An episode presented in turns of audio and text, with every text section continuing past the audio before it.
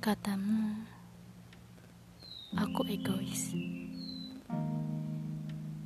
Iya, sepertinya memang begitu. Tapi aku berpikir, di balik egoisku, sebenarnya asal kamu tahu, ada rasa sadar diri yang membuatku untuk tetap dalam batas. Kamu tahu kan, aku jahat. Aku merasa tidak pantas. Iya, aku seperti ini karena diriku sendiri. Tapi sulit sekali rasanya untuk kembali biasa saja.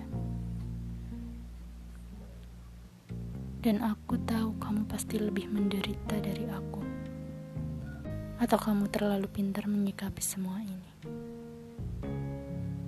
Aku bodoh. Aku tidak ingin berharap padamu.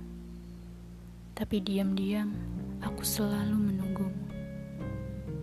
Aku selalu mencegah diriku untuk melampaui batas itu dan aku sakit. Sebenarnya semudah itu untuk dekat, tapi kenapa susah sekali? Susah yang aku juga bingung untuk menjelaskannya. Belum, ini belum selesai.